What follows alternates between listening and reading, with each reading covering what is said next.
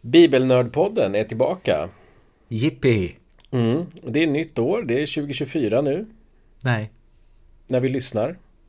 nej. Nej, det är det inte. Det är nyårsafton idag. Ja, Eller en- eh, då på söndag. så är det ja. Så är det. Det är snart, Ja. snart Ja. 2024. Just det. Tankevurpa där. Ja. Och framförallt om vi släpper avsnittet några dagar innan så är det ju verkligen fortfarande sluttampen på Jättemycket 2023. 2023, precis. Ja, just det. Mm. Eh, det är i alla fall eh, söndagen efter jul. Ja, Eh, och vi har fyra bibeltexter vi ska eh, prata oss igenom. vi börjar med Jeremia 31, 15-17. Mm. Och följer upp med Galaterbrevet kapitel 4, verserna 4 till 7. Och så har vi Matteus evangeliet 2, 13-23. Och slutligen psalm 71, vers 2 till 6. Just det, där Mm. har vi Guds barn har hon satt som rubrik på den här söndagen. Mm. Mm. efter jul. Eh, och dagens, eller den här söndagens bibeltexter är nog också eh, präglade av att eh, den 28 december firas värnlösa barns dag, eller som det förr brukar man säga menlösa barns dag. Just det. Vad, eller firar och firar, men vad... Högtidlig Högtidlig håller. håller. Mm. Mm. Just det, precis. Och bakgrunden till det högtidlighållandet finns i, i evangelietexten här då. Mm, just det. Eh, men annars så handlar det ju om barn både i, i bemärkelsen unga människor men också Israels barn kommer det ju handla om. Just det, precis. Det vill säga alla israeler. Exakt, så att de lite- har liksom satt ihop barn ur olika, liksom, olika tankar kring barn Mm. under ett och samma tak då. Mm. Mm. Men om vi börjar då med Jeremia kapitel 31. Vi, vi läste ju Jeremia eh, förra avsnittet också. Just det. Eh, och eh, det är ju eh, klagosång här som framförs. Eh, och eh, och jag får väl tipsa den som inte har lyssnat på förra eller om det var förra, förra avsnittet när vi gick igenom det här kriget när det norra riket gick under av assyrierna Just eh, tillsammans med Syrien. Mm. Eh, Efraim Just det. Ja.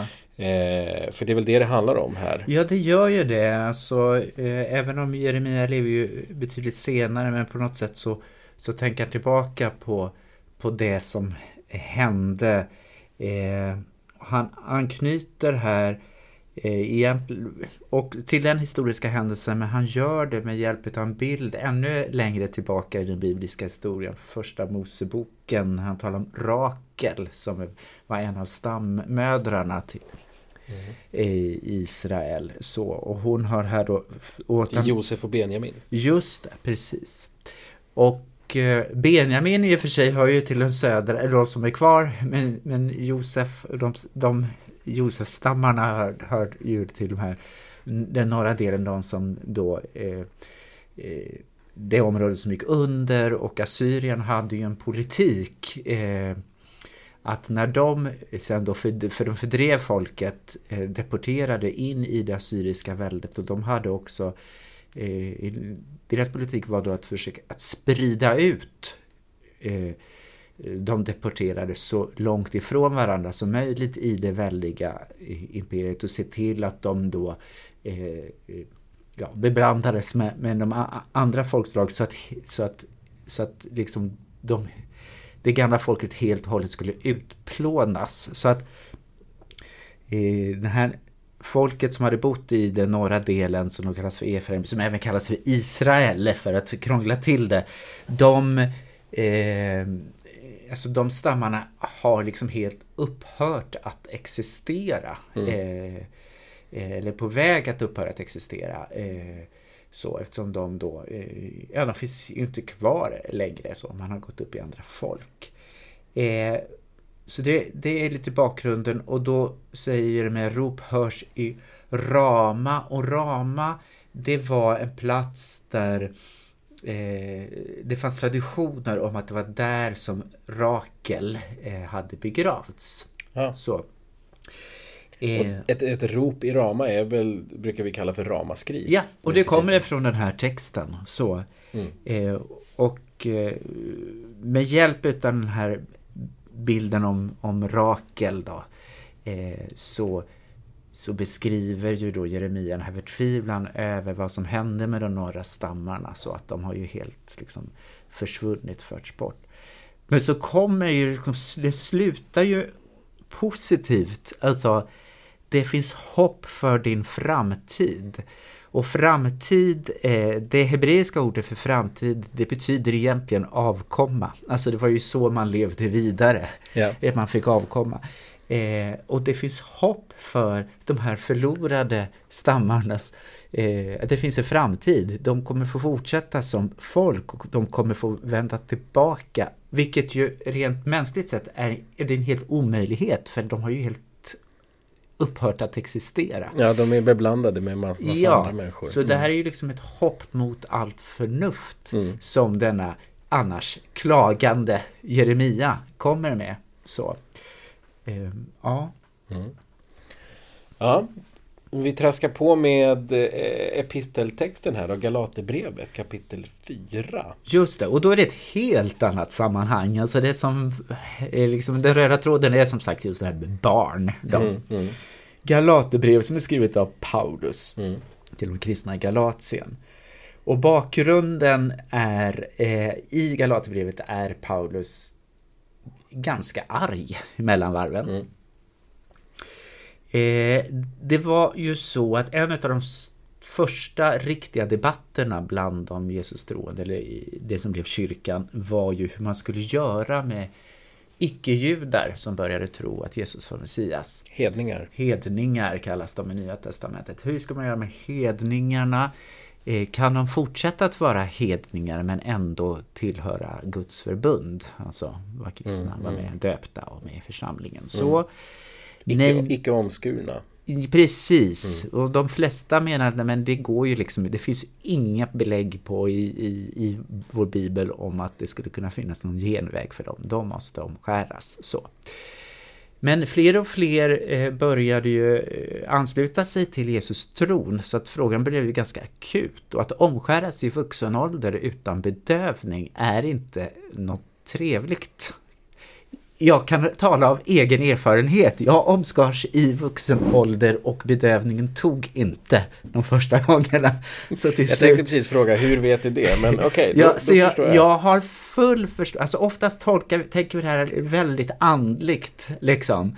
Men för de här stackars hedningarna så var det nog bara skräcken inför självaste omskärelsen i sig. Mm, mm. Och i alla fall, man kommer ju fram till den större delen av krist- kyrkan tar då en helt ny linje. Och säger vi måste omtolka våra gamla texter. Vi måste hålla på ett nytt eh, förhållande till vår, vår tradition. Eh, och välkomna dem in. Men det fanns ju förstås grupper som ändå höll fast vid, nej men de måste omskäras. Och de, de går Paulus hårt åt i Galaterbrevet. Han går så hårt åt liksom, alltså han går inte emot omskärelsen i sig. Alltså han är nog helt inställd på att är du jude så är du omskuren liksom och du ska hålla Torah och sådär också. Frågan är hur man ska göra med icke-judar, hedningar. Han blir så arg så att han skriver liksom, ja men de här som kommer till er och säger att ni ska, de borde skära av sig hela kuken liksom. Så att han är väldigt upprörd. Det här berör honom djupt. Så. Det är sammanhanget i Galaterbrevet och det är där vi har den här texten att Gud sände sin son född av en kvinna. Det är enda gången som Paulus överhuvudtaget nämner Jesu födelse. Eh, Vi får ju inte så mycket kött på benen, han var född av en kvinna. Jaha. Mm, Men även då född att stå under lagen, stå under Torah. Eh, men gör det på ett befriande sätt. Eh, och lagen eller Torah var, det var, ibland tänker vi ofta utifrån ett kristet perspektiv att Torah var något tungt för det judiska folket. Men där tänker man nog att det var en Guds gåva. Mm, Så. mm. men frågan är för människor som inte har den här bakgrunden, inte är vana med alla de här buden, liksom, då blir det, så ska de lägga om hela sina liv. Ja, de kommer ju i regel med någonting annat, en helt annan tradition Ja, precis. Mm. Och det är då han lyfter det här frihetstemat, att Jesus står för frihet både för judarna som accepterar Jesus som Messias och för hedningarna. Mm. Men det kan ske på olika sätt. Och då har liksom Gud lagt ner Guds ande i såväl judar som hedningar. Och det där var ju också någonting att det liksom judarna väntade på Guds ande, den skulle komma. Man tänkte att det var en särskild gåva just för Israel. Men den mm. kom till alla. Eh, så säger han att de, de inte längre är slav utan son, så, och, eller säger han ju. Och eh, det blir ju, jag vet, man håller på att översätta Nya Testamentet igen här. Mm, mm. Och det här är en sån sak, hur ska vi översätta det här son eller tala Guds söner? För det är ju väldigt eh, könsdefinierat mm, ord. Går det att mm. byta ut det mot Guds barn? Grejen är att i det här samhället han skriver så hade den förstfödde sonen en, en, en liksom specifik eh, roll och privilegium i familjen. Det är sonen som är arvtagare. Mm. Eh, men, eh, så det är det han anknyter till, att ni är alla arvtagare till löftet. Vare sig, alltså alla Guds välsignelser, vare sig ni är icke, hedningar eller judar. Och saken är att precis meningen efter, eller ett par meningar efter skriver han att i Kristus är varken slav eller fri, jud eller grek, man eller kvinna. Alla är ni ett i Kristus. Så att det innebär att här är inte ordet son han använder det i bemärkelsen det måste vara en utav manligt kön utan det handlar mer om sonens roll mm, i det dåtida samhället. Var det krång, Arvtagaren liksom. Ja, det är Nej, det det betyder. Ja. Snarare du, är, du, är rätt, du har rätt till arvet. Mm, mm. Det är det han skulle säga. Och man kan med fördel läsa vidare den här texten några rader ja, till. Ja. Än den som är utvald för just söndagen. Yes. Så får man ett ja. större sammanhang. Mm. mm. Mm. Matteus evangeliet då, kapitel 2. Just det. Här kommer lite grann efterspelet efter julspelet som vi hade på juldagen. Ja, precis. Om stjärntydarna och, och de kommer vi ju sen nämna sen 13 jul. Så det mm. blir ju lite...